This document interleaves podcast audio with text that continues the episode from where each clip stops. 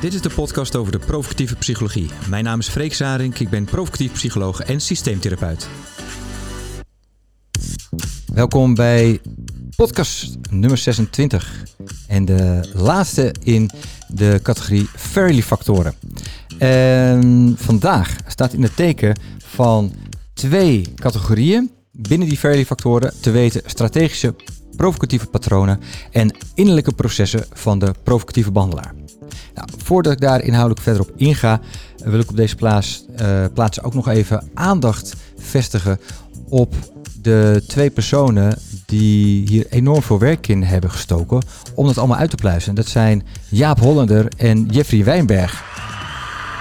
Ja, en een applaus is echt wel op zijn plaats, want um, ja, zij hebben ooit besloten, nadat zij verschillende workshops van Frank Fairley hebben gezien, ook hè, naar Nederland gehaald hebben, we willen dat uh, beter overdraagbaar maken.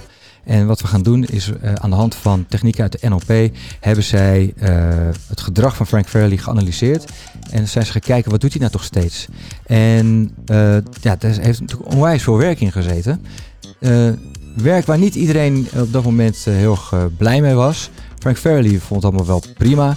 Maar er waren allerlei mensen, zowel in Nederland als in het buitenland, die dachten: ja, op het moment dat je het allemaal gaat analyseren, uitpluizen, benoemen, dan gaat er iets van de provocatieve werking verloren. Nou, ze hebben het toch gedaan en ik denk dat dat heel goed is geweest, omdat het op deze manier veel makkelijker overdraagbaar is. Uh, het uh, beter te snappen ook is, wat, wat, is nou, wat zijn de werkzame factoren binnen het provocatief werken. Uh, dus uh, nou, uh, ik ben in ieder geval heel blij mee dat ze dat werk gedaan hebben. en nogmaals dank aan Jaap Hollander en Jeffrey Wijnberg. Goed, dan is nu ook de tijd aangebroken om te gaan kijken naar de laatste provocatieve categorieën binnen de Fairley factoren. Allereerst de strategische provocatieve patronen. En in die strategische provocatieve patronen, ja, strategisch zegt al, uh, dat doe je niet constant. Uh, dat doe je op het moment dat je denkt, hé, hey, nu is het handig. En uh, je hebt er ook een, een doel bij. En dat doel is, nou laten we eens kijken naar de, de, eerste twee. Die hebben ergens wat met elkaar te maken. Nou, dat zal ik straks ver, ver, verduidelijken. Fairly factor 46 is verschuif de schuld. En nummer 47 is kies een bepaalde kant bij innerlijke conflicten. En ja, wat is de, uh, wat is de strategie hierachter? Nou, in het algemeen um, merk ik dat als ik bijvoorbeeld werk met stellen, dat uh, het heel duidelijk is dat mensen niet alleen kijken naar wat is het probleem, maar waar komt het probleem door. Dus er zit ook een zoiets van schuldvraag bij. Op het moment dat stellen voor je zitten, dan uh, ja, zie je dat ze tegenwoordig eigenlijk allemaal wel een soort van getraind zijn, geconditioneerd zijn of allemaal de linden hebben gelezen en weten als je in therapie gaat, dan moet je kijken ook naar je eigen kant van het probleem. Maar in principe vindt iedereen dat de ander het grootste probleem is. Um, en daarmee um, hebben we te maken met wat stellen en, en ook individuele cliënten de neiging hebben te doen. Dat is te zoeken naar de lineaire causaliteit Terwijl hè, ik als systeemtherapeut ben opgeleid met het idee van ja, maar er is altijd sprake van causale, uh, circulaire causaliteit. Ik snap er helemaal niks van. Ja, nee, dat snap ik. Uh, dus ik zal het uitleggen.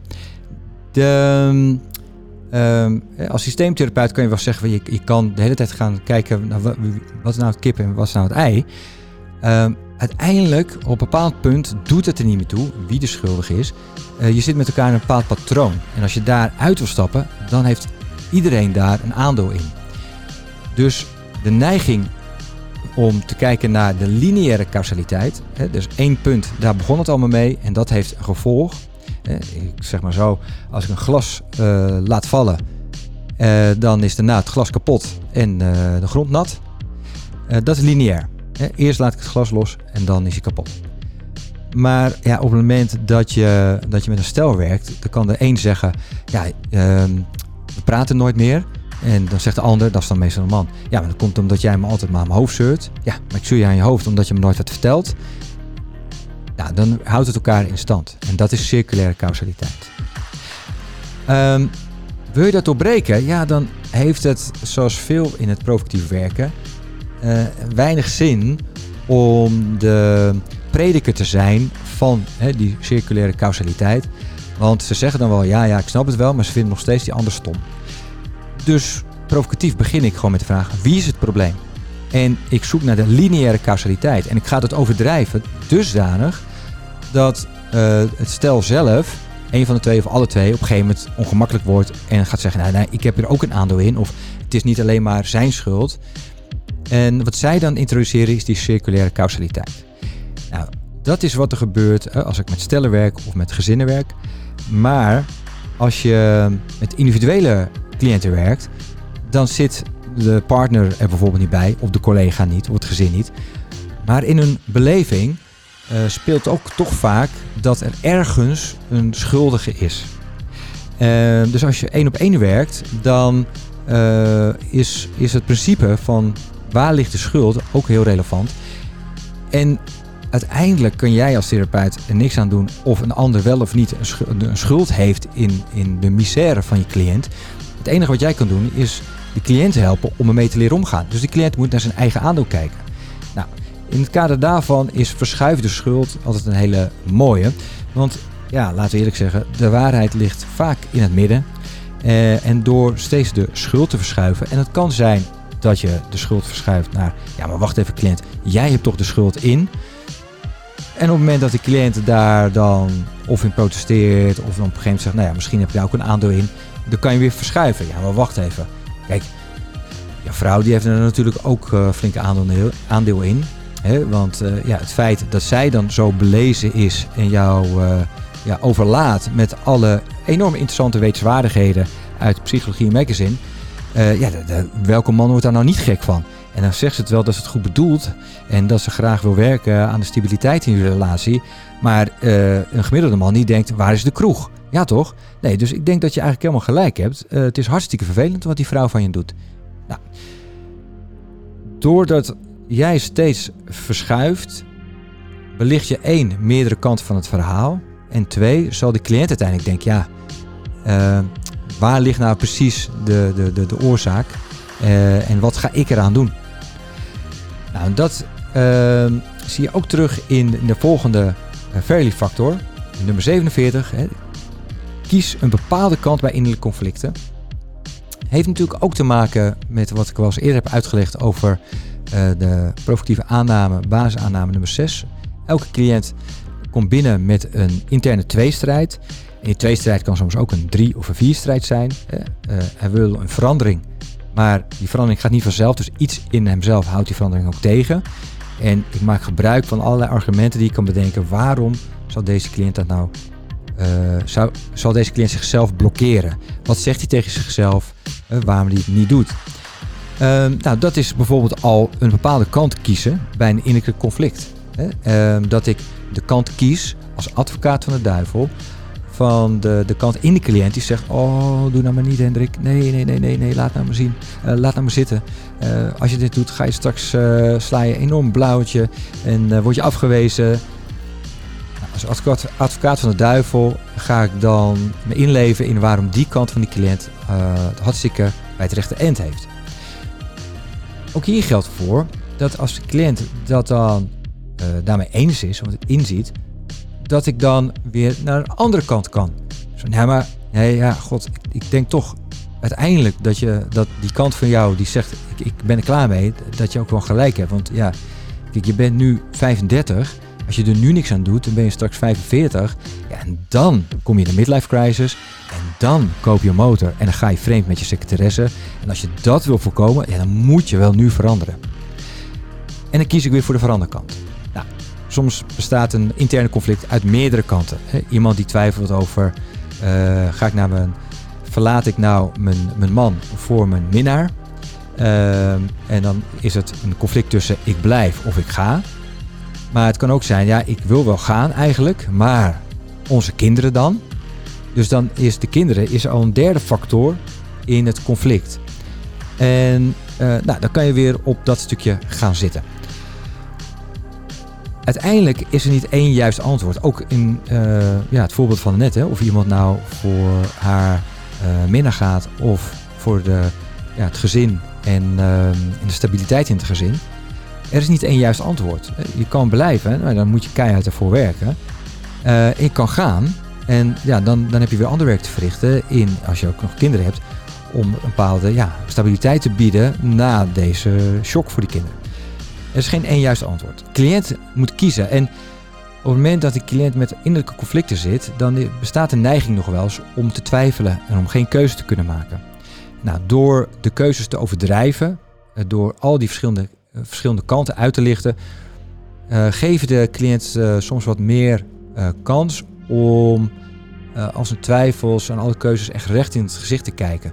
Op het moment dat het ergens in het achterhoofd van de cliënt blijft, echt blijft woekeren, dan voelt de cliënt het wel, die denkt erover na, het leest wel, maar het is niet altijd heel concreet. Nou, provocatief door te overdrijven kan de cliënt niet heen, of kan de cliënt niet om de, de, de verschillende aspecten van zijn probleem heen. Dan nog is uiteindelijk de vraag, wat ga je ermee doen? En de cliënt ja, die kan uh, hopen dat als expert dan vertelt wat het handigste is. Maar daar, daar, dat, dat, dat, gaan we niet doen. Want uiteindelijk moet de cliënt eigen verantwoordelijkheid nemen voor het probleem, maar ook voor de oplossing. En als hij zelf wel twijfelt, maakt niet uit wat jij zegt, dan uh, kan hij altijd weer zeggen: Ja, wacht even, ja, je raadt wel aan om te blijven, maar. Oké, ik raad aan om te gaan naar minnaar. Ja, dus, maar hoe zit het dan met de kinderen? Nou, dat is behalve heel frustrerend voor jou als behandelaar, schiet de cliënt er uiteindelijk niet zoveel mee op.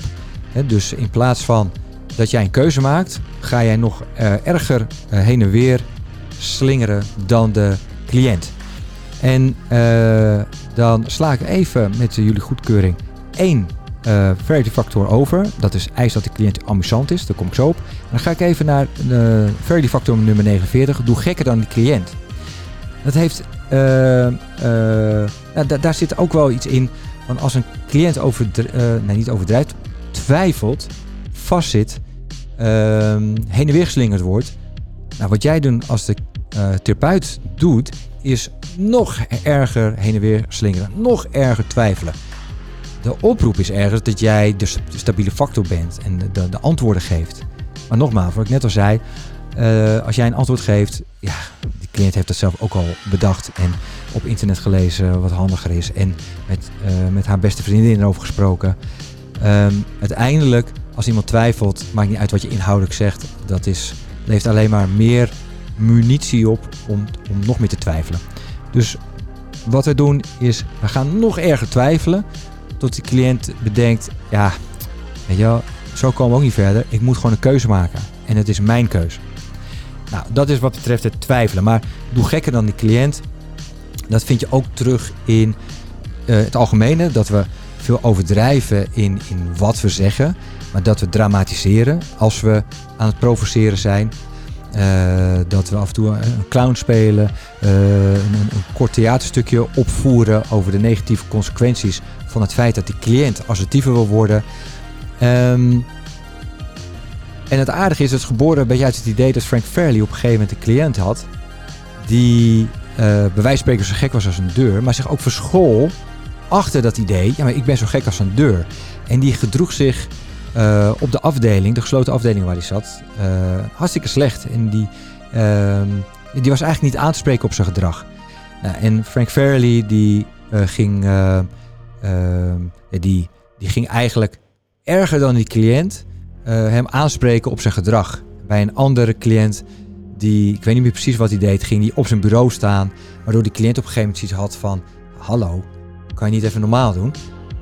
En het idee wat hij toen kreeg is, hoe gek mensen ook zijn, er zit altijd wel een bepaald besef van normaal sociaal gedrag. En op het moment dat jij gekker doet dan de gek, dan wak je eigenlijk ook dat normale sociale gedrag aan bij de cliënt. En op het moment dat hij je dan tot de orde roept om je normaal te gedragen, dan weet je in ieder geval, hé, dan heeft de cliënt dat besef en dan kan je de cliënt daar ook op provoceren en op aanspreken. Dus doe gekker dan de cliënt.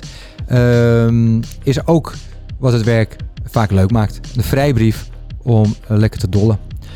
Ik kom terug op uh, de Fairly factor, factor nummer 48. Eis dat de cliënt amusant is. Ja, ik moet zeggen, volgens mij heb ik dat nog nooit gedaan. Maar dat is wel iets wat Fairly dus wel eens deed. Want anders zouden Hollander en Jeffrey Wijnberg dat niet benoemd hebben. Kijk, het idee is natuurlijk dat, dat dat jij zelf als, als provocatief behandelaar overdrijft, humoristisch bent, uh, de vrijbrief hebt om grappen te maken, als het maar ten dienst staat van het behandelproces van je cliënt. Um, het komt er wel steeds van jou. En uh, wat hij dan wel eens deed, is dat hij tegen de cliënt zegt: Ja, weet je, kan je vandaag niet eens met een leuk probleem komen, bijvoorbeeld? Of, oké, het is al zwaar genoeg, maar vertel er nou eens op een leuke manier over. Of wat dan ook. Uh, een beetje vanuit het idee, uh, ik zie het hier wel voor jou, maar jij mag uh, ook je best voor mij doen. Hè? Maak mijn werk ook eens wat leuker. maar op het moment dat je vraagt aan de cliënt om, om wat amusanter te zijn, dan doe je ook aanspraak op een ander aspect van die cliënt. Um, waar die meestal niet op wordt aangesproken als die in een dip zit. Phil Jeremiah, die is een Engelsman die ook veel werkt vanuit de humoraspect van het provocatieve. Die, die heeft op een gegeven moment ook een oefening waarbij hij allerlei emoties op een uh, briefje zette. En dan, toen een cliënt aan het praten was over zijn of haar probleem, zei van nou, trek eens het kaartje en dan stond hem bij een bepaalde emotie. En zei nou, vertel me dit nou nog eens, maar vanuit deze emotie. En het kan dan, weet je, boos, verliefd, ehm, verdrietig, opgewonden, weet ik het allemaal niet zijn. En uh, ja, het is natuurlijk een, beetje een interventie van de zotte. Maar de grap is dat je daarmee een cliënt ook uit zijn normale uh, doen en laten krijgt. En dat daarmee het gesprek ook weer kan veranderen. Uh, eist dat de cliënt amusant is. Misschien moet ik dat vanaf nu ook eens gewoon wat vaker concreet gaan doen. Alright. De allerlaatste categorie. Innerlijke processen van de provocatieve behandelaar. Het zijn er ook vier. Nummer 50 is breng uzelf in een lachstemming. Ja, je, je kan er niet onderuit dat uh, als je provocatief werkt de pijlers zijn goed contact, humor en uitdaging. En we zeggen goed contact en humor moet alle twee 40% zijn en de uitdaging 20% zijn. Je, je kan niet uh, de humor inzetten als je zelf niet in een bepaalde lachstemming bent. Ja, dan is de kans dat als je een grap maakt dat het eerder cynisch wordt of een beetje zuur of in ieder geval een hele slechte grap. Dus voor een provocatieve sessie uh, kan het ook handig zijn, zeker als je merkt op een dag dat je wat vermoeider bent of wat zagrijniger bent, is dat je heel bewust jezelf in een lachstemming probeert te brengen. En dat kan heel goed door dat je denkt aan een vorige sessie met de cliënt waarbij je uh, de humor echt op een hele geslaagde manier kon uh, invoegen. Of een uh, grappig moment met, met, met vrienden of thuis. Um, en doordat je dat bij jezelf uh, aanwakkert, maak je weer contact met, um, met het lachen, met de humor in jezelf. En dan is het ook weer makkelijker om naar de cliënt te luisteren, uh, waarbij de humor meteen al aan de oppervlakte ligt. Wees warm. Ja, nou, dat is die andere pilaar. Hè? Het goede contact. Dat kan, ja, dan, dan moet je dus dat empathische vermogen moet wel aanstaan. En um, ja, bij sommige mensen gaat het misschien automatisch, maar ja, ook niet altijd. Ik had uh, onlangs ook een, gesprek met iemand waarvan ik van tevoren dacht, gadverdamme nee. En dat heb ik heel weinig sinds ik provocatief werk, omdat ik juist, hè, zoals ik in de vorige podcast al besprak, door te kunnen reageren op de relatie wat er gebeurt, dat je heel snel uh, een angel uit het wat minder lopend contact kan halen. Um, maar het overkomt me dus toch nog heel af en toe wel. Dan gadverdamme. En dat, als ik dan nu ga provoceren, dan wordt het niet. Want dan wordt het cynisch. Dan wordt het een beetje afzeiken. Nou, dan moet je het niet doen. Dus dat kan soms ook uh, de conclusie zijn. Vandaag ga ik niet provocatief werken, want ik ben gewoon zelf niet in de stemming. En dan kan het, uh, ja, dan kan het gewoon uh, mislopen. In dit geval wat ik deed is dat ik, oké, nee, ik ga gewoon weer vanuit warmte kijken naar wat er nou eigenlijk met deze cliënt aan de hand. En nou, het meest provocatieve wat ik die dag heb gedaan is heb gezegd, ik ga met deze cliënt niet provocatief werken. Hartstikke congruent. En uh, die cliënt was er heel erg blij mee, herkende zich hartstikke, uh, gaat ermee aan de slag. Goede kans bestaat dat, zoals met veel cliënten het geval is, dat ermee aan de slag gaan tegenvalt.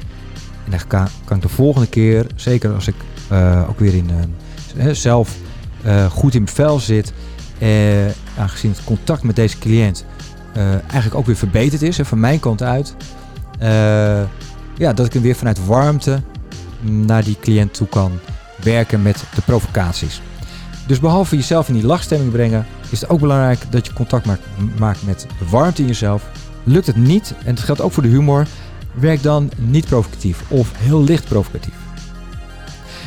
Ehm, dan de laatste twee. En dat gaat over luister naar uw innerlijke gidsen. Dat is nummer 52. En 53 is kijk naar innerlijke televisietoestellen. Dat zijn er twee. Uh, het is wel grappig dit hier ook als laatste uh, zeg maar, staan. Dat maakt, als je dat goed kan, dat maakt wel het verschil in of je uh, goed en effectief provocatief kan werken of niet.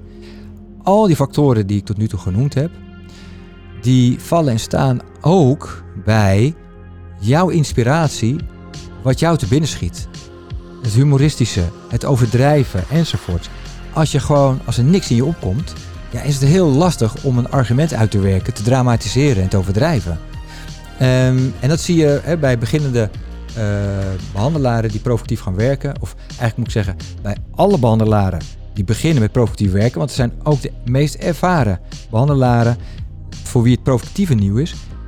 Uh, is het heel lastig om, terwijl je naar de cliënt luistert, om dan op een argument te komen waarvan je denkt, ja wacht, maar je moet helemaal niet veranderen. Ja, maar wacht even, waarschijnlijk is dit die tweestrijd in jou. En dan zegt die innerlijke stem in jou, beste cliënt, oh doe het niet, want... Nou, en dat invullen, uh, dat zijn we niet gewend. We zijn gewend om te luisteren naar de cliënt, geduld op te brengen, alle aandacht te geven aan de cliënt, te hummen, aantekeningen te maken en dan letterlijk teruggeven wat de cliënt heeft gezegd en dan een, een goede analyse van hè, wat, je, wat jou opvalt. Wat we in het provocatieve doen, is we zitten daar niet om een cliënt op een traditionele manier te helpen en met allerlei goede adviezen te komen. En een goede analyse is dus ook helemaal niet relevant. Wat we willen is die argumenten achterhalen waar de cliënt mee worstelt. En wat dan helpt is dat je luistert naar je zogenaamde innerlijke gidsen. Uh, noem het intuïtie. Um, als er iets in je opkomt, handel ernaar. Als je begint met provoceren, dan is het een begin. Nou ja, ook wennen is ook een, nou, niet een trucje, maar het, het, is een, het is een interventie echt die je doet. Um, vaker je dat doet, hoe vaker je bepaalde reacties krijgt van de cliënt. En dan wordt eigenlijk ook een soort van je, je intuïtieve toolbox gevuld. Als je veel ervaring hebt in het werken met cliënten, dan, ja, dan weet je eigenlijk ook al wel veel thematiek snel te achterhalen bij cliënten. Nou, dat kan zijn dat je intuïtief denkt, ach, dit is een cliënt, uh, die heeft ook al honderd keer geprobeerd, maar niks is gelukt. Eigenlijk is haar leven een hele mislukking. Dan hebben we geleerd om dat niet zo te zeggen. Om te kijken van, nou, hoe kunnen we een cliënt uit die negatieve spiraal halen en enzovoort. Maar provocatief denken we, ja, je hele leven is een mislukking. En dat is een mooi aanknopingspunt om daarop te provoceren. De negatieve kant van het zelfbeeld van de cliënt, de onmogelijkheid van het behalen van een doel. Alles om de cliënt te prikkelen uh, tegen jou in te gaan en zodoende eigenlijk sterker te worden en tegendeel te gaan bewijzen. Maar daarvoor moet je jezelf toestaan te vertrouwen op je intuïtie. En ik denk dat eigenlijk ook beginnende therapeuten vaak wel intuïtief veel aanvoelen, maar nog niet het vertrouwen hebben dat je erop uh, mag en kan reageren. Hoe vaker je dat doet, hoe makkelijker het gaat. En um, iets wat bij mij heel erg werkt, en misschien is dat omdat ik een man ben, visueel ben ingesteld en dat dat daarom ook een Fairly factor is. Misschien als Fairly een vrouw is geweest, dat hij er niet tussen had gestaan. Maar dat is, kijk naar innerlijke televisietoestellen. Frank Fairly die zei in antwoord op vragen van deelnemers, maar hoe kom je toch op al die bizarre ideeën? En dat ook soms echt in een split second. Um, en hij zei, ja, tijdens de sessie heb ik eigenlijk allerlei soort van, ja, als een, als een regisseur, een tv-producent, heb ik allemaal uh, televisieschermen voor me hangen. En er verschijnen gewoon allerlei beelden op. En er kunnen beelden zijn uit zijn eigen leven, er kunnen beelden zijn uit een film, kunnen beelden zijn uit een sportwedstrijd, het kunnen, weet ik veel. Maakt niet uit. En die verschijnen gewoon. En um, op het moment dat hij dacht, ja, dit, deze spreekt aan, dit doet het toe, deze valt op, dan zet hij dat gewoon in. En uh, soms ook nog zonder precies te weten waarom. Maar dat is ook weer dat stukje intuïtie. hij gooide het gewoon zo hup, de, de, de sessie in. Ehm, en dat is ook wat ik merk. Dat als ik met die cliënt aan het werk ben, dan zie ik heel vaak zie ik of een, een scène zich voltrekken met deze cliënt. En dan zeg ik ook, ach, en ik zie al helemaal ja, gebogen onder al het gewicht van je collega's. En dan komt je leidinggevende en die zegt, nou, we hebben nieuws. Uh, we gaan uh, korten. van tien collega's gaan we naar zes collega's. En dan zie ik je al lopen en denk je, oh nee, nog meer werk op mijn schouders. Ja, en het mooie is, ja, je bent zo verantwoordelijk, je gaat maar door.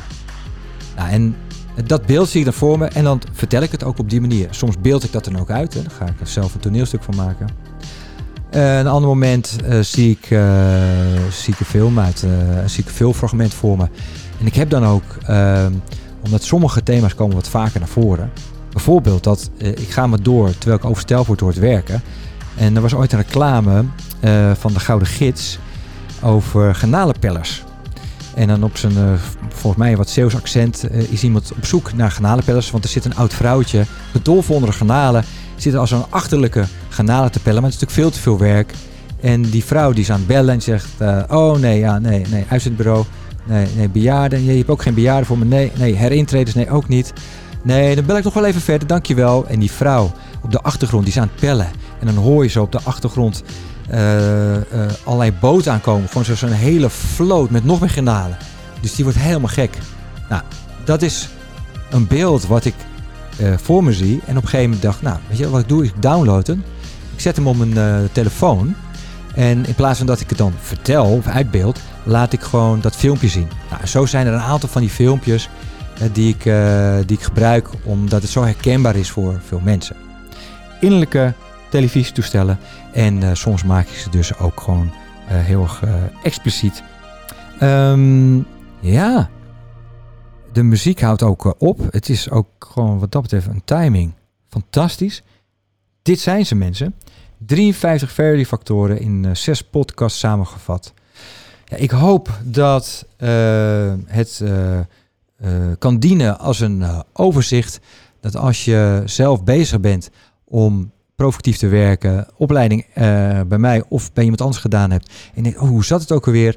Dat je ze opzoekt. En voor inspiratie. Um, zoals de vorige keer al aangekondigd, na vandaag gaan we even genieten van de zomer. andere dingen doen. Na de zomer, dan wil ik graag weer verder gaan met het opnemen van podcast. En dan weer terug naar het recept van hiervoor. En dat betekent in gesprek met collega's uit het veld. En het veld kan breed zijn. Hè? Dus het kunnen therapeuten, coaches zijn, hè? maar ook uh, aanverwant of vanuit, vanuit het onderwijs. nou, iedereen waarvan het interessant is om eens eens te belichten welke thema's relevant zijn op dit moment voor de hulpverlening. En um, mijn oproep aan jullie is dan ook om te komen met suggesties. Ik heb zelf mensen uit mijn netwerk waarvan ik denk, nou leuk om ze uit te nodigen.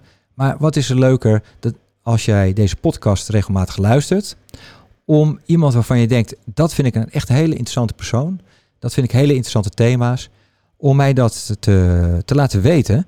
En uh, dat ik die uh, persoon ook nog eens uh, bereid zie voor de podcast en, en daar je op je wenken kan bedienen. Um, dus heb je ideeën, heb je suggesties, laat het me weten. Dat kan via info.provocatiefpsycholoog.nl En zolang we nog niet aan de vijf suggesties die ingezonden zijn zitten, maak jij nog kans op een gratis boek over de provocatieve psychologie. Um, dus nou, stuur ze door en dan na de zomer gaan we weer een mooie podcast maken. Dan nog een allerlaatste uh, opmerking over de podcast. Um, ik heb in de afgelopen anderhalf jaar, zal het een jaar zijn, ben ik op een gegeven moment de opnames ook gaan maken op video. ook eens te kijken, nou, sommige mensen zijn wat visueel ingesteld, net als ik. Kijken of dat interessant is. Nou, zie ik dat vooral mensen vooral de podcast beluisteren en niet zozeer de video's kijken. Zeg misschien ook iets over waar je naar moet kijken. Dat ben ik dan. hè, zo boeiend is het niet om daarna een half uur of een uur naar te kijken. Dus na de, de zomer worden de podcasts gewoon puur ook de podcast, audio. En nou, daar waar een keer een speciaal editie, thema, gelegenheid is, zal ik er ook een video van opnemen. Maar in principe zijn ze alleen nog te vinden via Soundcloud, Spotify en Apple Podcast.